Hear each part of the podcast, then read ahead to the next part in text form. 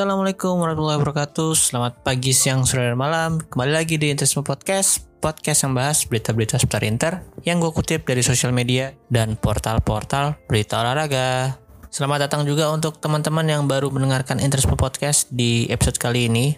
Seperti dari judul yang sudah tertera Kali ini gue akan membahas tentang calon lawan Inter yang akan dihadapi di babak round 16 UCL musim ini. Sebelum kita bahas tim-tim tersebut, gue akan menyebutkan tim yang sudah lolos ke babak 16 besar. Untuk dari grup A, ada Manchester City sebagai juara grup. Grup B ada Liverpool. Grup C ada Ajax, grup D Real Madrid, grup E Bayern Munchen, grup F ada Manchester United, grup G ada Lille, grup H ada Juventus. Nah, untuk uh, runner up-nya di grup A ada PSG, grup B Atletico Madrid, grup C ada Sporting Lisbon, grup D Inter sendiri, grup E Benfica, grup F Villarreal, grup G RB Salzburg, grup H ada Chelsea. Ada beberapa kejutan ya dari hasil grup ini karena ada beberapa tim unggulan yang nggak lolos. Kayak di grup B nih ada AC Milan yang nggak lolos dari grup UCL ini. Dia berada di posisi 4 seljur kunci. Padahal mereka DNA Eropanya sangat kuat banget gitu. Tujuh kali juara UCL masa nggak lolos nih? Ini sangat mengagetkan. Di grup mereka hanya bisa menang satu kali seri satu kali dan kalah empat kali. Padahal di pertandingan terakhir mereka kemarin di UCL melawan Liverpool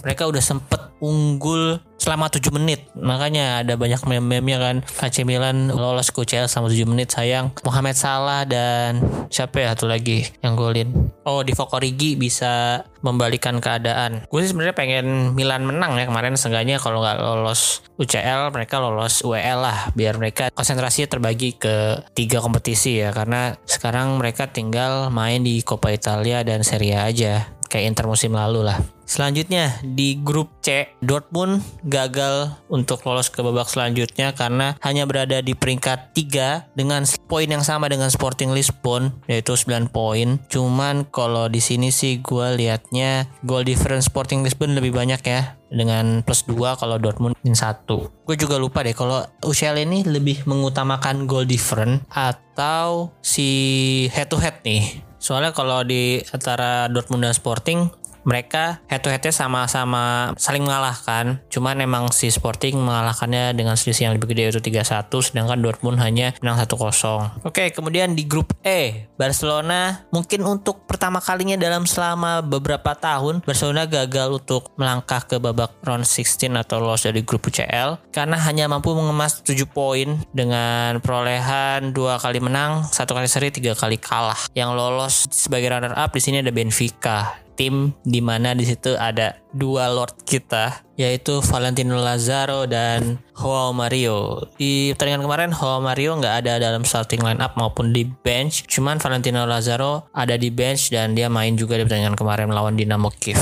Untuk grup F, uh, untuk perebutan juara runner up-nya masih belum ditentukan karena pertandingan antara Villarreal dan Atalanta harus ditunda. Kabarnya sih karena salju ya. Kemarin gue juga kurang baca berita lengkapnya. Cuman hasil ini nggak mengubah juara grupnya sih, tetap Manchester United. Jadi Villarreal sama Atalanta tinggal memperebutkan run up ya aja.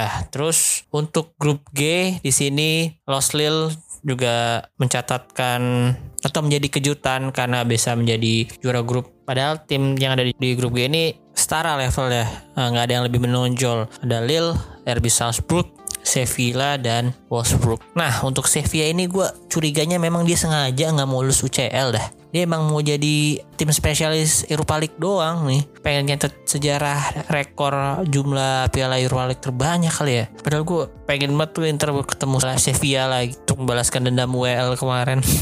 Soalnya kita udah gak punya Lukaku juga tuh yang cetak gol bunuh diri Oke terakhir di grup H ya standar sih yang lolos Juventus dan Chelsea.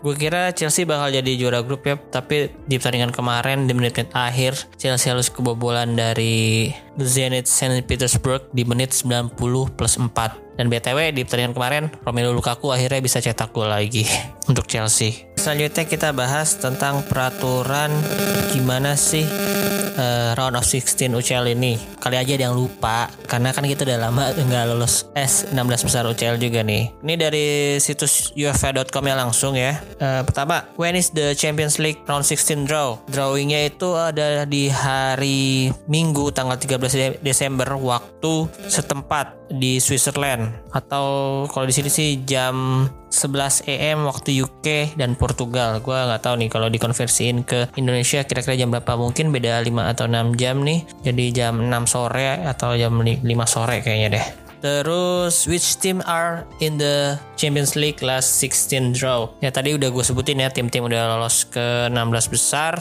Sampai saat ini udah ada 15 tim, tinggal menunggu Villarreal dan Atalanta. Terus can teams from the same country fetch each other in round of 16? Jawabannya nggak bisa Terus untuk yang jadi tuan rumah pertama kali di round of 16 adalah tim yang dari runner up ya atau tim unseeded. Yang seeded ini tim juara grup, yang unseeded tim runner up. Oke, terus jadwal mainnya kapan? Jadwal mainnya round of 16 itu antara tanggal 15, 16, 22, 23 Februari. Terus second legnya di tanggal 8 atau 9 atau 15 dan 16 Maret.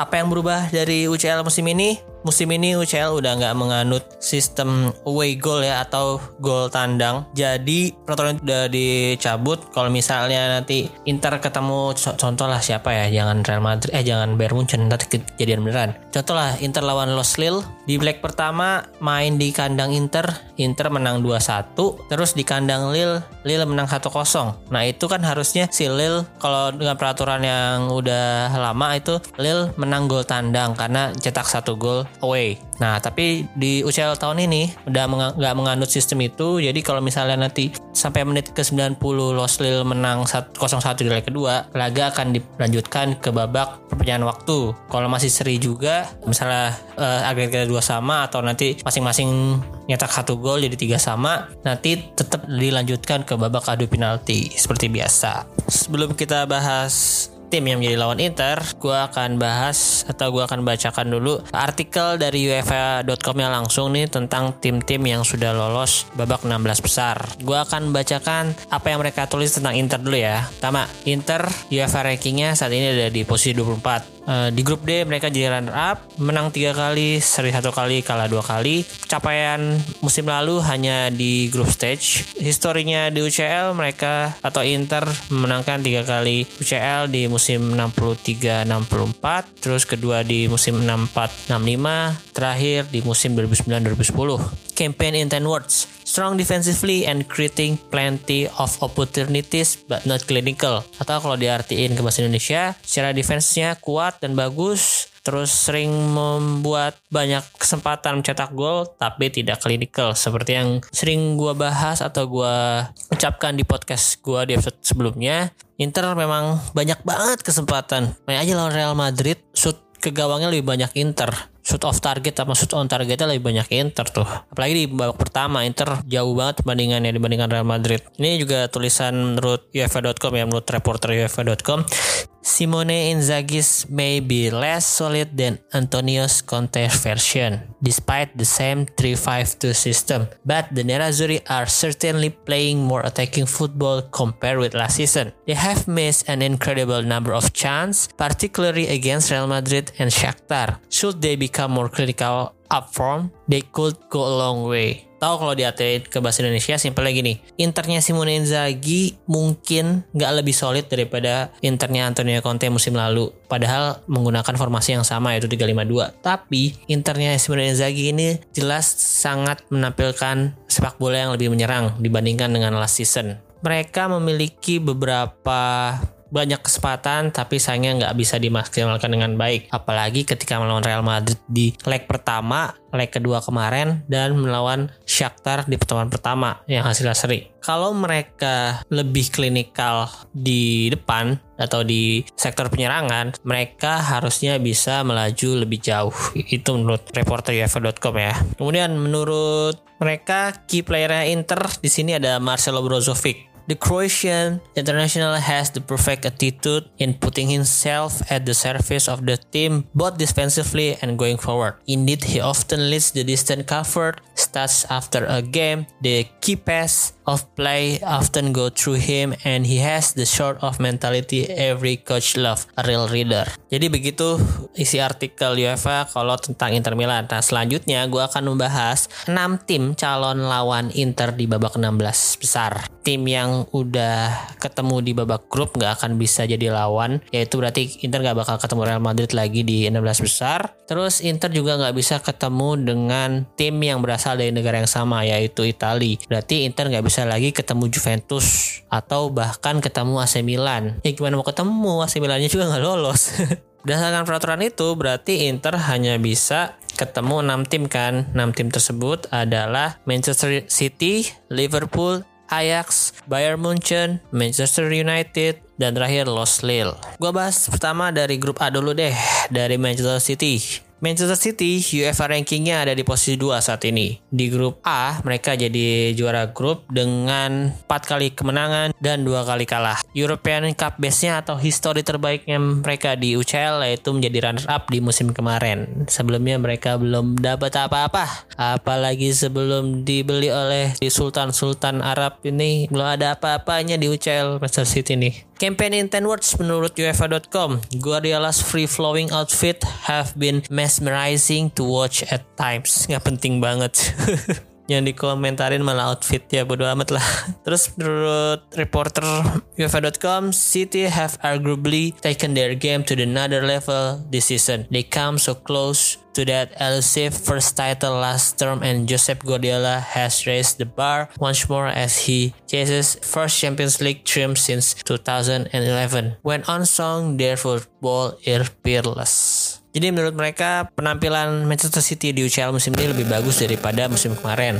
Musim ini Josep Guardiola tuh menaikkan standarnya dan sekali lagi sangat mengincar gelar pertamanya City di UCL dan gelar pertamanya semenjak tahun 2011 ya terakhir dia menang UCL tuh si Pep Guardiola. Key playernya ada Kevin De Bruyne, the 30 year old shimmer pass 250 appearance for the club last season and remains a talismanic figure in their midfield despite the riches around him. He has endured something of a stealth campaign but remains keys. Jadi walaupun di Manchester City masih banyak pemain andalan lain ya si Kevin De Bruyne ini masih menjadi sosok yang penting di Manchester City musim ini. Nah, fun fact-nya tentang Manchester City atau Pep Guardiola ini Pep Guardiola ini musim lalu menjadi musim atau kali ke-8-nya dia mencapai seenggaknya semifinal. Nah, selain Pep Guardiola yang dapat mencapai seenggaknya semifinal selama 8 kali cuma ada Jose Mourinho. Wah, gokil juga jadinya Jose Mourinho ya kalau di UCL. Oh ya, buat yang belum dengerin di episode sebelumnya juga gue bahas tentang Jose Mourinho ya, tentang prestasi yang didapatkan Jose Mourinho setelah meninggalkan Inter di musim 2010. Di Premier League Manchester City sejauh ini udah bermain sebanyak 15 kali, memenangkan pertandingan 11 kali, dua kali seri dan dua kali kalah. Goal difference-nya 23 nih cukup banyak dan mengumpulkan 35 poin. 5 pertandingan terakhirnya di Premier League dia selalu menang. Dan Manchester City juga berada di peringkat pertama tapi selisihnya hanya satu poin dengan Liverpool di peringkat kedua. Selain Kevin De Bruyne, mungkin pemain yang harus diwaspadai di Manchester City udah jelas kalau di back ada Ruben Dias sama Emerick Laporte yang mungkin bakal sering jadi starter.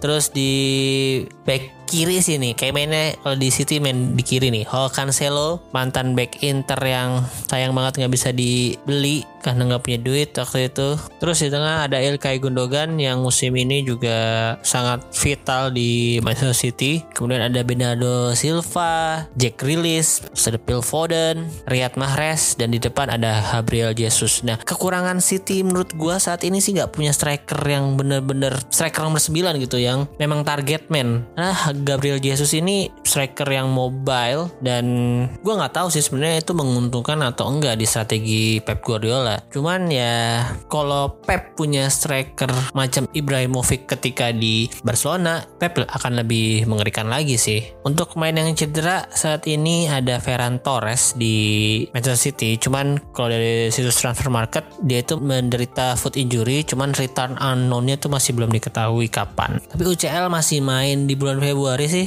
jadi masih ada dua bulan lagi. Kayaknya sih dia bisa bermain ya di leg pertama atau leg kedua babak 16 besar UCL musim ini.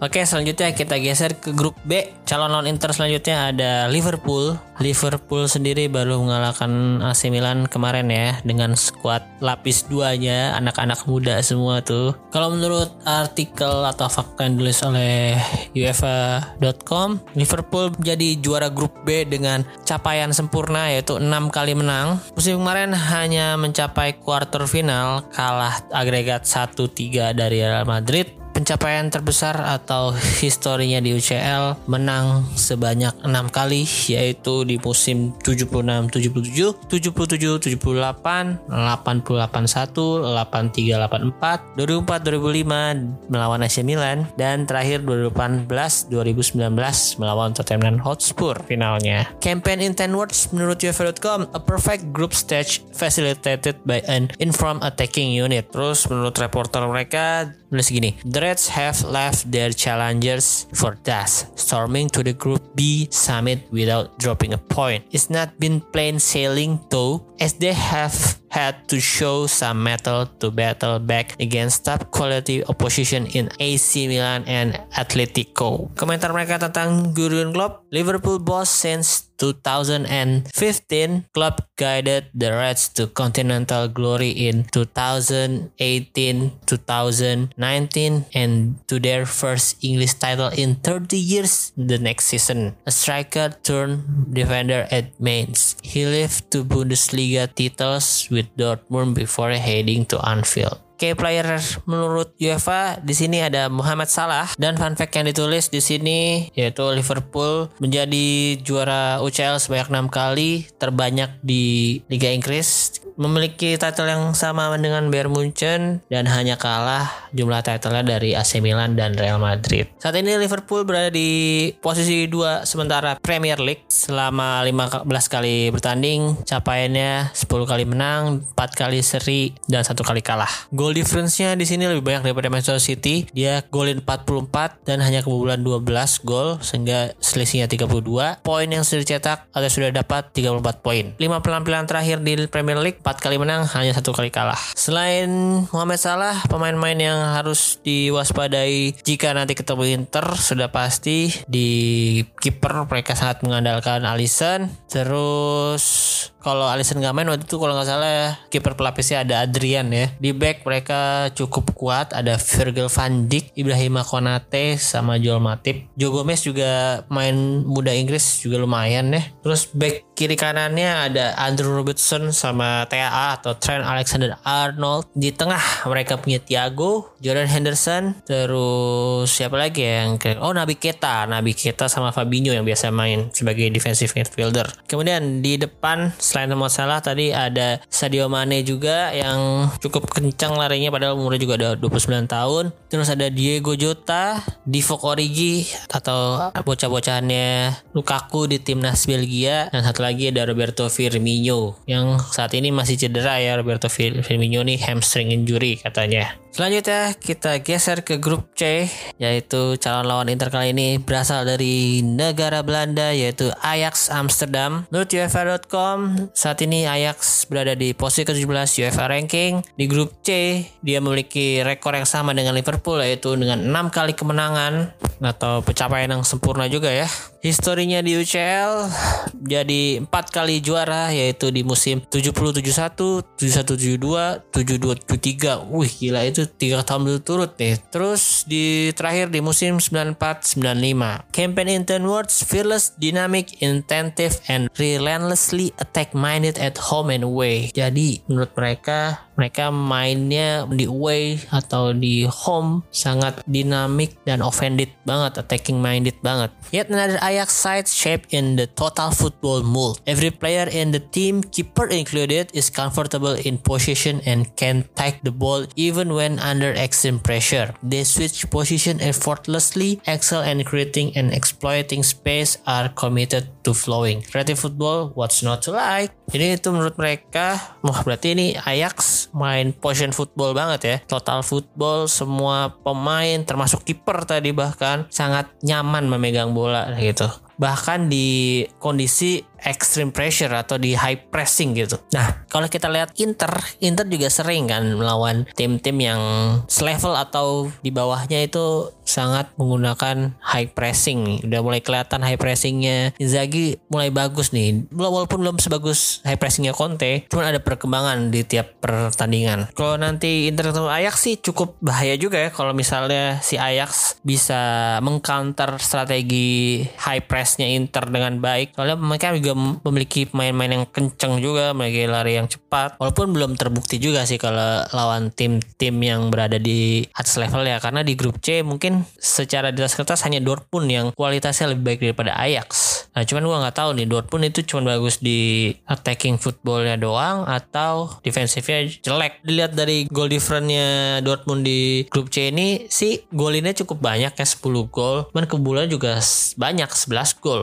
Pelatih dari Ajax sendiri ini adalah Erik Ten Hag. Menurut mereka, Ten Hag has done a magnificent job with a squad that is constantly evolving. After taking Ajax to the brink of the Champions League final in 2018 and 19, he lost many key players that summer, but has simply rebuilt the side. Same script, different act. Raptors. Jadi Erik Ten Hag ini walaupun kehilangan banyak pemain kayak Donny van den Beek, terus Matthias De Ligt yang ke Juventus, dia ya namanya juga Belanda ya, pemain mudanya tuh berkembang banget di sana. Jadi kehilangan pemain-pemain yang udah bagus dijual ke tim besar, dia mampu memproduksi pemain-pemain baru lagi yang di sini same script maksudnya ya strategi sama dari tahun ke tahun total mengandalkan total football, permainan yang cepat, ball possession, hanya pemain-pemainnya aja berubah. Key player ya di sini ada Sebastian Haller the first player to ever score 9 goal in his first Champions League match. The Ivory Coast striker has taken to the top tier with aplomb. Ini katanya Bastian Haller ini baru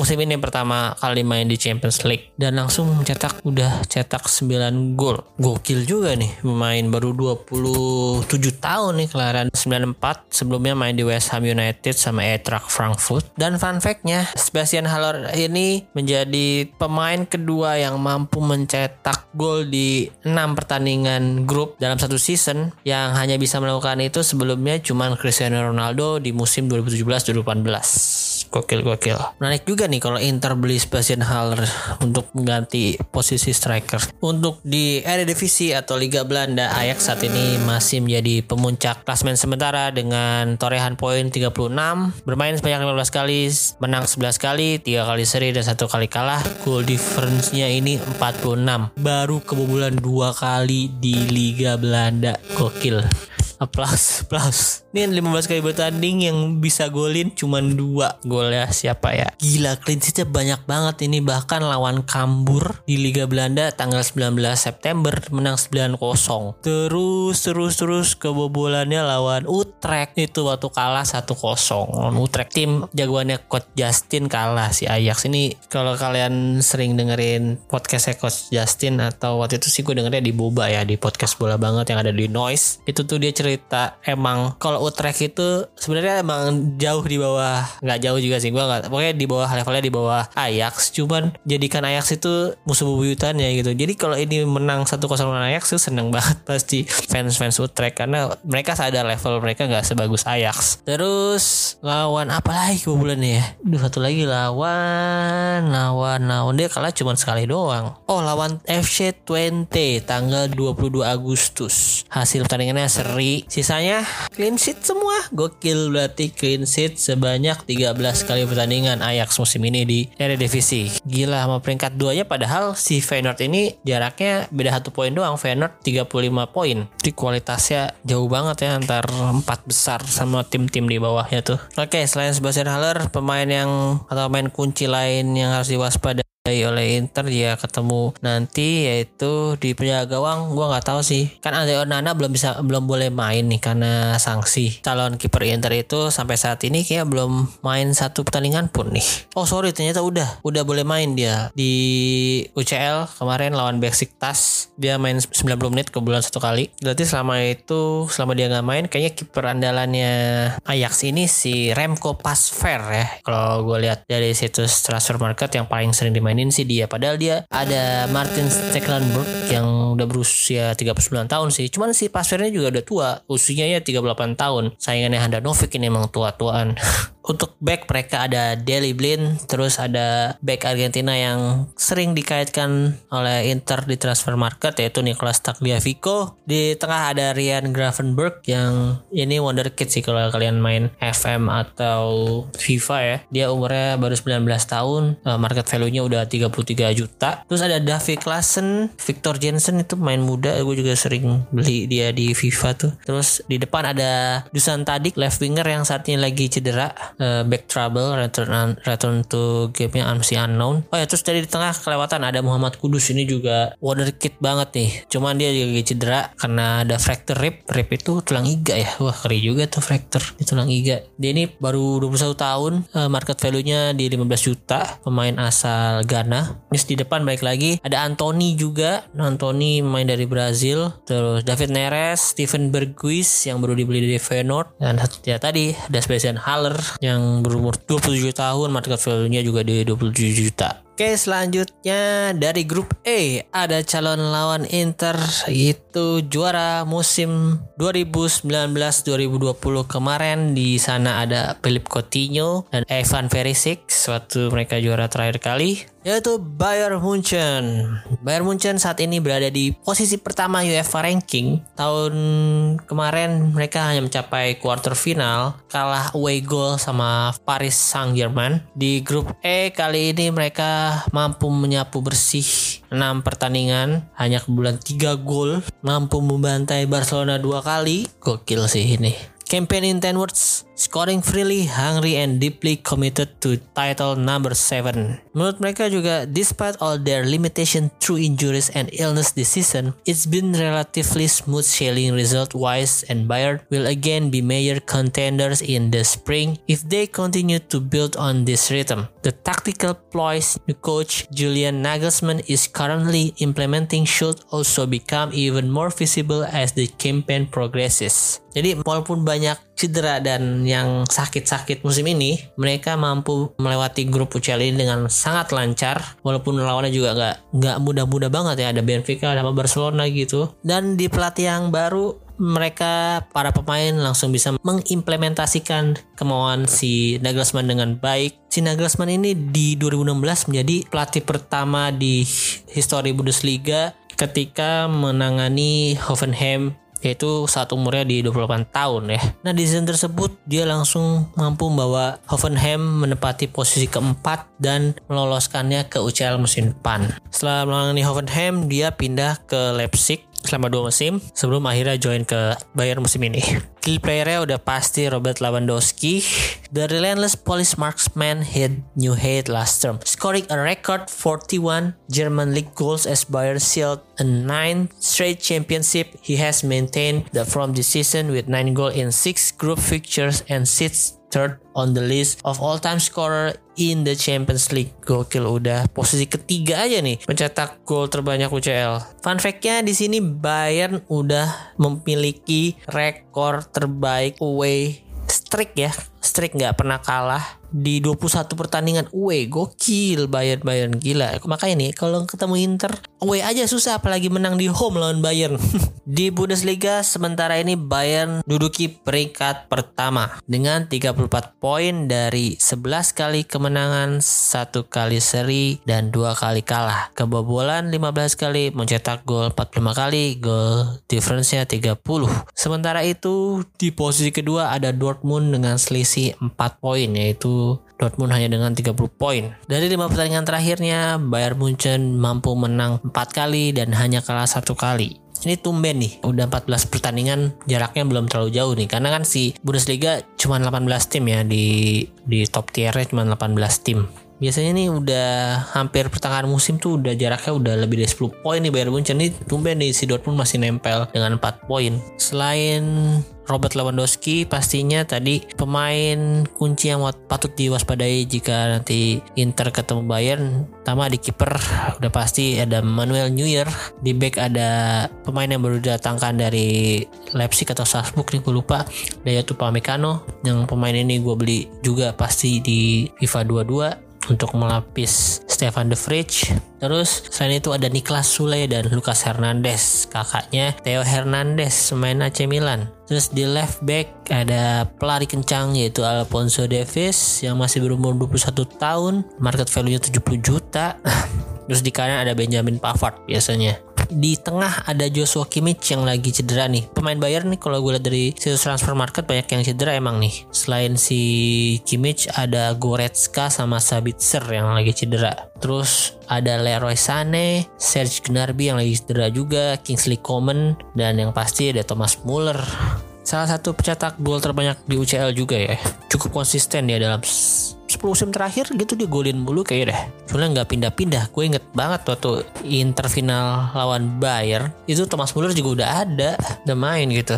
Oke next kita balik ke Inggris kali ini calon lawan kita adalah Manchester United. Di UEFA ranking dia ada di posisi ke-9 di grup F dia tiga kali menang, dua kali seri dan satu kali kalah. Last season nggak lolos grup stage tapi lolos sebagai peringkat tiga jadi ke Europa League dan mampu jadi runner up. Historinya di UCL menang tiga kali yaitu di musim 6768, 9899 dan 2007-2008. Campaign in 10 word, Ronaldo has brought salvation to a topsy-turvy season so far. Kalau menurut reporter mereka, mereka menulis gini, Jadon Sancho, Tam Home first Red Devil goal to confirm their spot in the knockouts with a game to spare. In the midst of a turbulent Premier League campaign, United recovered from an opening day upset against Young Boys to stabilize their European season at least. Jadi selama dipegang oleh memang nih agak naik turun performa Manchester United di Premier League dan UCL, tapi sekarang pelatihnya udah diganti oleh Ralf Rangnick. The 60-year-old professor of football has replaced Ole Gunnar as United interim manager until the end of the season. Having coached club including Hoffenheim and Schalke, whom he guided to the semi-final in 2011, Rangnick then oversaw Leipzig meteoric rise from fourth year to Bundesliga and Europe's elite. Oh iya nih, berarti Schalke 2011 ini kalau nggak salah kan Inter ketemu Schalke kan 2011. Ini berarti udah si Rangnick ya.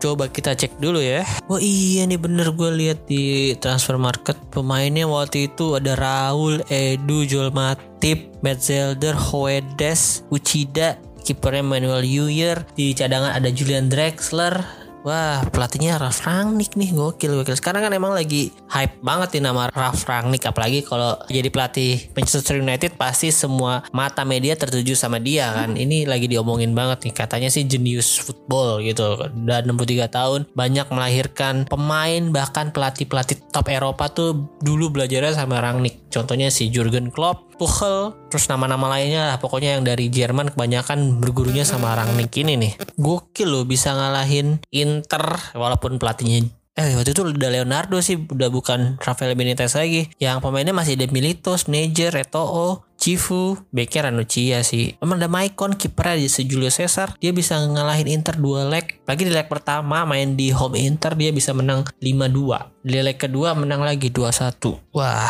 patut diwaspadai juga nih berarti Ralf Rangnick nih. Cuman kalau gue lihat dari highlightnya doang sih pertandingan kemarin MU lawan Young Boys belum terlalu nyetel-nyetel banget ya. Cuma dari defense-nya sih kelihatan lebih bagus. Cuman kalau nanti uh, jaraknya kan masih dua bulan ya, kayaknya sih masih bisa inilah beradaptasi, masih bisa lebih baik lagi Manchester United. Makanya agak menyeramkan juga nih Manchester United dipegang sama Rangnick. Makanya gue kemarin itu adalah tim Oleste.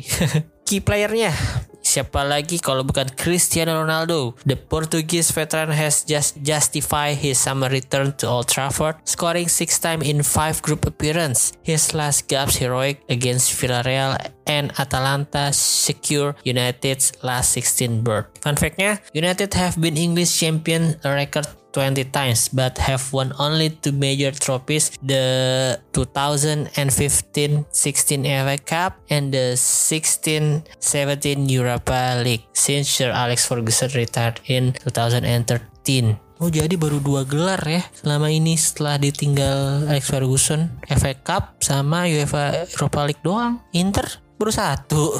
Ditinggal Leonardo. Tidak salah ditinggal Jose Mourinho masih si Leonardo masih bisa dapat eh, Coppa Italia. Setelah itu nggak pernah lagi kan? Baru kemarin Antonio Conte dapetin gelar buat Inter. Selain Cristiano Ronaldo, pemain yang patut diwaspadai pertama ada David De Gea di posisi kiper. Kalau Harry Maguire main kunci nggak ya kira-kira? dia kapten sebagai kapten Harry Maguire Rafael Varane di sini masih cedera. Gue gak tau nih gue lihat cederanya hamstring injury return expected on 11 Desember. Berarti harusnya besok nih saat gue ngetek. Terus dia ada Eric Bailey oh ya Phil Jones kemarin udah main. Gue nggak tahu kenapa. Itu udah main lagi setelah berapa ratus hari gitu dia nggak main. Ini dia balik lagi Terus back kirinya ada Luke Shaw yang lagi bagus-bagusnya sehingga Alex Telles lagi dicadangin mulu nih. Bisa kali dijual ke Inter dipinjemin dulu lah. MU kan cincai nih biasanya sama Inter. Terus di kanan ada Aaron Wan Bisaka yang kalau menurut fans-fans mereka secara defensif bagus, secara ofensif bapuk ya. Kemarin ketika Diego Dalot lagi dimainin oleh Rangnick mereka jadi lebih suka sama Diego Dalot dibandingkan uh, Wan Bisaka ini. Terus tengahnya ada McTominay sama Paul Pogba yang lagi cedera juga Paul Pogba hamstring injury. Di zaman oleh si Donny van den Beek ini jarang main ya cuman kayaknya di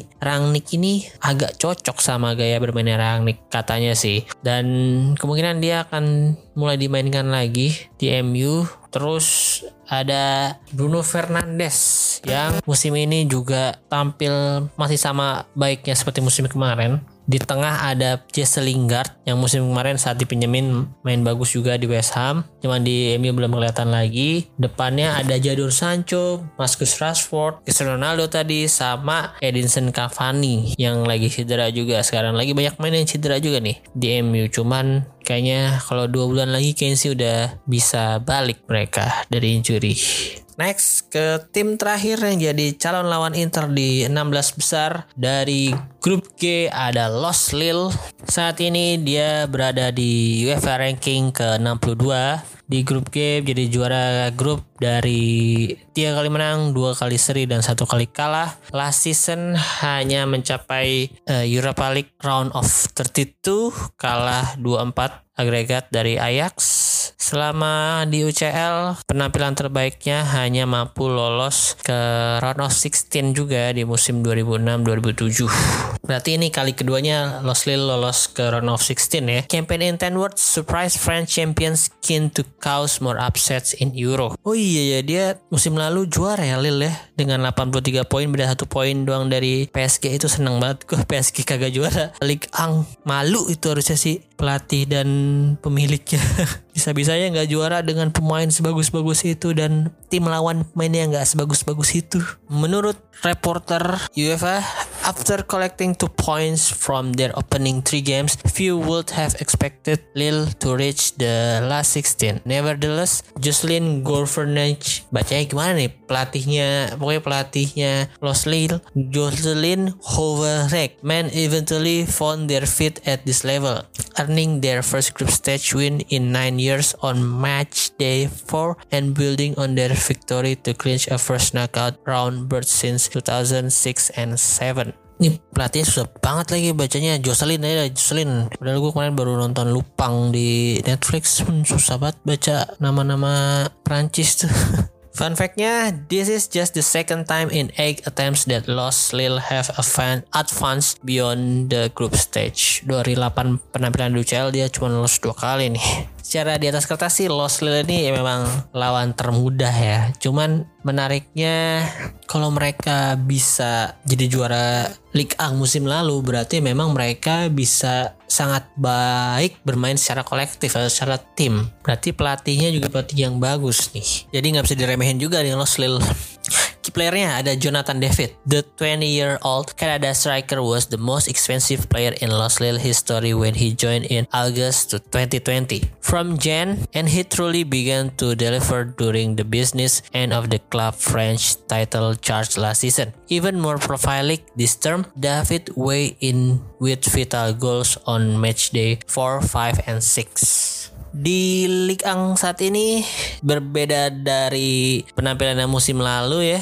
Kali ini Los Lille berada di posisi 11 hanya dengan 24 poin dari 17 kali bertanding, 6 kali menang, 6 kali seri, 5 kali kalah. Terpaut 18 poin berarti ini dari pemuncak grup yaitu PSG yang sudah mengemas 42 poin. Gokil jauh banget jaraknya. Sama peringkat duanya aja PSG sama Rene 31 hmm, poin Rene. 11 poin padahal ini baru match day ke-17. Wow, ngamuk ini PSG habis musim kemarin nggak juara. Dari lima penampilan terakhirnya di Ligue 1, Lille hanya bisa uh, mendapatkan dua kemenangan dan tiga kali seri. Selain si Jonathan David, pemain yang familiar di squad Los Lille ini cuma Timothy Weah, striker asal Amerika Serikat yang sering gue beli di FIFA. Sih kalau gue main FIFA gue sih beli Timothy Weah nih. Karena dia punya real face.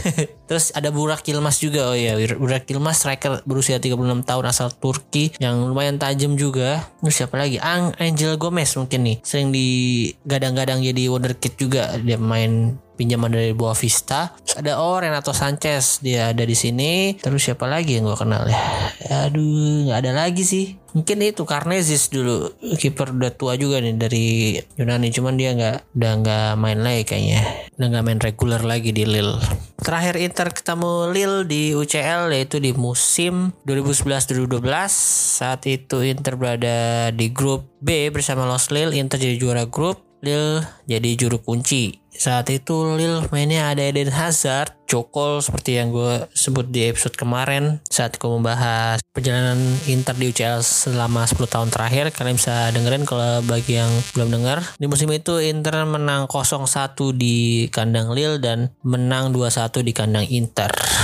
Nah, oke okay, gitu aja pembahasan tentang 6 tim calon lawan Inter Milan di round of 16 UCL musim ini. Kalau kalian inginnya ketemu siapa nih? Kalian bisa jawab di kolom reply atau kolom komen Instagram. Kalau gue sendiri sih pengennya ketemu antara Los Lil, walaupun dia nggak bisa diremehin juga. Tapi kalau dari statistiknya musim ini dia kurang baik juga ya di Liga Prancis dan dari pemain-mainnya juga nggak ada yang terlalu menonjol, nggak ada yang outstanding penampilannya. Atau ketemu Manchester United karena ya walaupun pelatihnya pelatih ternama ya profesor sepak bola disebutnya kan dia. Cuman kayaknya dalam waktu dua bulan pasti ada naik turunnya tuh penampilan mereka. Dan gue nggak yakin langsung bisa beradaptasi dengan baik banget ya. Apalagi ego pemain Manchester United ini pasti masing-masing gede ya apalagi di sana ada Ronaldo. Ronaldo kan terkenal player coach ya. Jadi dia tuh suka ngatur-ngatur tim juga.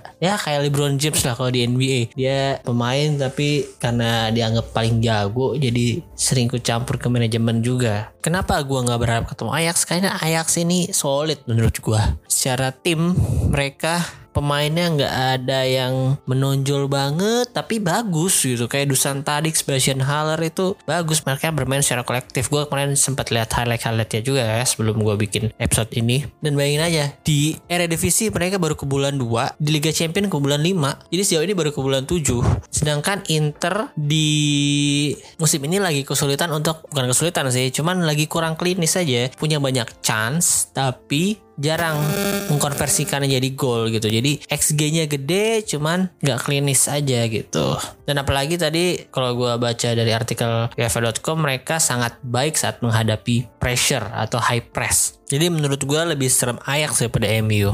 Kalau Liverpool, Bayern itu memang udahlah. Menurut gue udah bagus-bagus banget. Selain memiliki kualitas pemain yang bagus, keuangan yang baik, mereka juga memiliki pelatih-pelatih yang bagus. Jadi kayaknya lawan mereka itu bakal sulit banget. Tapi sebenarnya sih kalau udah sampai round of 16 ya agak sulit sih menghindari tim dengan kualitas yang bagus gitu. Udah bagus-bagus semua. Tim yang lolos UCL udah bagus. Tim yang lolos dari babak grup UCL apalagi? Memang saat ini bukan saatnya untuk takut ketemu siapa. Jadi saatnya emang Inter untuk berbenah. Di bursa transfer winter ini harus beli pemain-pemain yang bisa jadi backup atau bahkan menggantikan uh, pemain inti yang udah ada saat ini.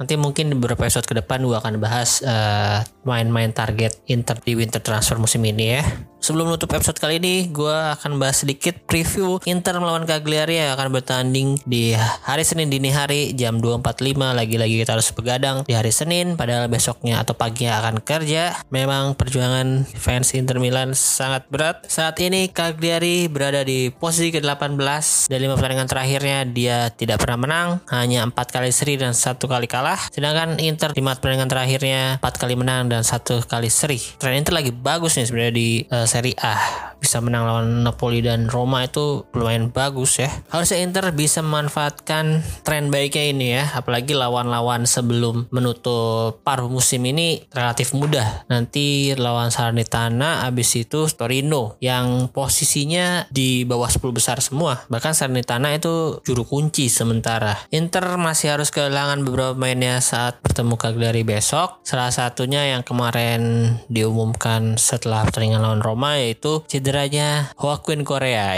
Kemarin sih bilangnya atau kabarnya itu tahun 2021 dia nggak bakal mungkin balik dulu. Mungkin tahun depan baru bisa main. Ya semoga aja dia bisa recovery lebih cepat dari yang diperkirakan. Cuman nggak dipaksakan main juga kalau memang belum benar-benar sembuh ya supaya nggak kambuh lagi. Kalau untuk back kayaknya Inter akan kembali dengan tiga back terbaik mereka yaitu Skriniar di kanan, De Vrij di tengah dan Bastoni di kiri. Sementara untuk Darmian dia juga masih belum bisa tampil tampil posisinya digantikan oleh D'Ambrosio. Bukan Dumfries nih gue juga gak ngerti kenapa padahal Dumfries ketika lawan Roma juga bagus padahal bisa cetak satu gol pula. Kemudian di tengah ada Barella yang kemarin dapat kartu merah nggak penting ya. Tersulut emosinya sama si tua ojek pangkalan Eder Militao Terus tengahnya ada Brozovic dan Calhanoglu seperti biasa. Kirinya tetap Ivan Perisic, depannya duet Zeko dan Lautaro. Sementara itu di sisi Cagliari kipernya ada Krakno, backnya ada Martin Saceres, Capitelli sama Carboni, tengahnya ada Marin, Grassi, Dewala, kirinya ada Lord Darbert akan berhadapan dengan D'Ambrosio nanti dia di sana. Ada Belanova di kanan. Striker depannya ada mantan pemain Inter yaitu Ketabalde dan Ho Pedro Pedro, pemain yang kabarnya akan segera dinaturalisasi oleh timnas Italia. Ini Dalbert sih harusnya ketemu Dumfries nih. Sama-sama lucu guys. Prediksi gue sih Inter akan bisa mengatasi Cagliari cuman ya kayaknya nggak nggak clean sheet lagi ya. Setelah mereka kemarin berturut-turut tiga kali clean sheet kayaknya pasti akan ada ganjalannya. Padahal si De Vries sudah main nih kayak besok. Karena Joao Pedro sama kita Balde lagi bagus juga trennya. Lagi tajam lumayan lah. Kemarin Joao Pedro salto lagi. Btw Nandes kenapa nggak main ya? Di ini juga nggak ada nih. Bench Sementara itu Diego Godin ada di bench. Gue gak ngerti kenapa Diego Godin sama Zappa nggak jadi starter. Prediksi skor 3-1 nih kayaknya. Inter depannya mungkin akan ngamuk Karena kemarin gagal mencetak gol. Nah, Harus jadi pecutan juga sih bagi Lautaro dan Zeko Agar lebih klinis. Mumpung lawannya lagi gak terlalu berat Mereka harus lebih uh, memadukan chemistry mereka di depan ya. Selain itu semoga Calhanoglu juga bisa melanjutkan tren positif ya di Serie A. Sejauh ini dia udah mencetak 5 5 gol dan 4 assist Oke, sekalian gitu aja untuk episode kali ini. Terima kasih untuk teman-teman yang udah mau mendengarkan sampai habis.